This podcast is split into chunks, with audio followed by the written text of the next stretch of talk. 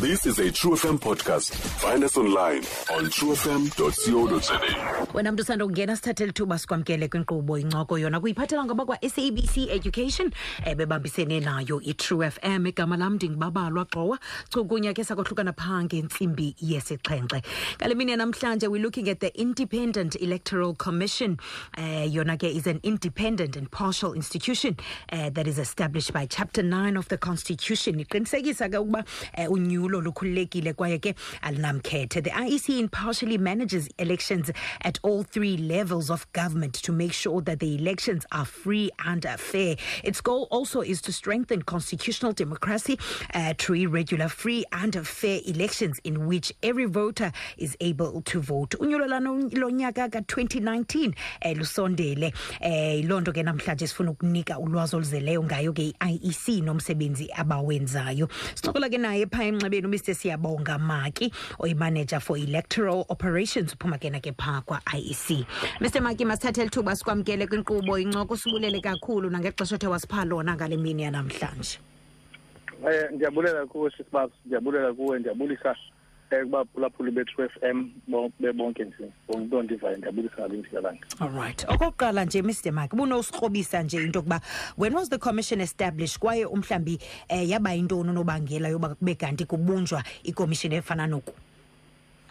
Em kwabonakala kunyanzelekile emsasazi ba ikomishini eh mayibe khona ekumila kunjena ukuze kuqinisekiswe uba u- u- u- umcimbi wezolonyulo ungumcimbi okhoyo ngokusemthethweni obophelela naphi na urhulumente okhoyo uba soloko senziwa ii-elections um ii-elections ziqale ngo-nineteen ninety-four ezomntu wonke emzantsi afrika. Um nazo ezo elections bezimanejwa according to the interim constitution ka-1993 eh emva kokuba zigqityiwe ke ii-elections zika-1994 and ne-local government zika-1995 kwakhona ke ngoku i-constitution ke ngoku the final constitution eh final version njengoba sasine-interim ka-1996 so ico- i-electoral commission uh, is established in accordance with chapter 9 uh, of the constitution on section 181 eh oy- i- i- i- i-electoral commission iyenye yamaqumrhu akhoyo athunywa yiko- i-constitution uba awamelisele idemocracy emzantsi afrika. Alright eh kodwa ke ubona i-ic kuthiwa mayijongane nee-elections uqobo nje. Alright mr maki ithini eyona mandate yayo ikomishini le and also um ifuna ukusichazele nje uba ikomishini ingabi based kweliphi phi ndawoni rather um kweli lethu iphondo lempuma koloni? I-commission um msasazi um ithunywa ukuba mayiphathe iququzelele eh ize yongamele yonke inhlobo yo- ye-elections ekhoyo. Ku- ku-national parliament eh kumaphondo naku-local government. Yonke nje yothi elections eh ngo- ngoko- ngokorhulumento eh i- yonke loo nto imanejwa ngu-iec eh kuthiwa u-iec makaqiniseke futhi ezi elections akazimaniji nje aqiniseke uba zikhululekile azinamkhethe. Wonke umuntu uyakwazi uku- ukuthabatha inxaxheba eh ngoko- ngokumalungelo akhe. Wonke umuntu u- imibutho iyakwazi uba eh idlale indima yawo ngokuthi umuntu afomishe umbutho wezopolitiko imibutho ikhululeke ukuba mayihambe ikhampeyine eh ihambe iyothetha nakoomathotholo njalo njalo kuthiwa ngu-free and fair ke lowo msasazi.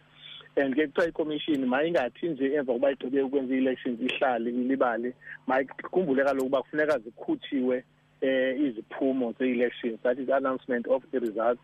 Ide ithi ke i-electoral act mazikhutshwe ii-results ingagqithanga iintsuku ezisixhenxe emva kokuba ii-elections bezibanjiwe.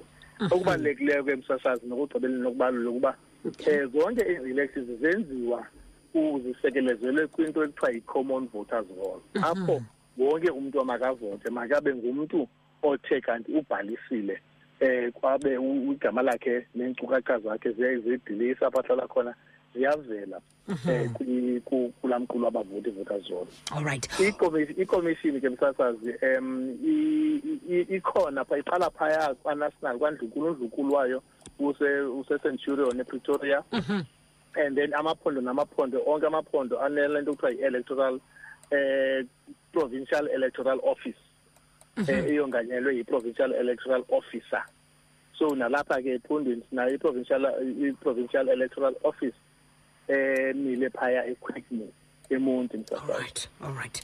Alright, siyibambile Mr. Maki. And also ndiyafuna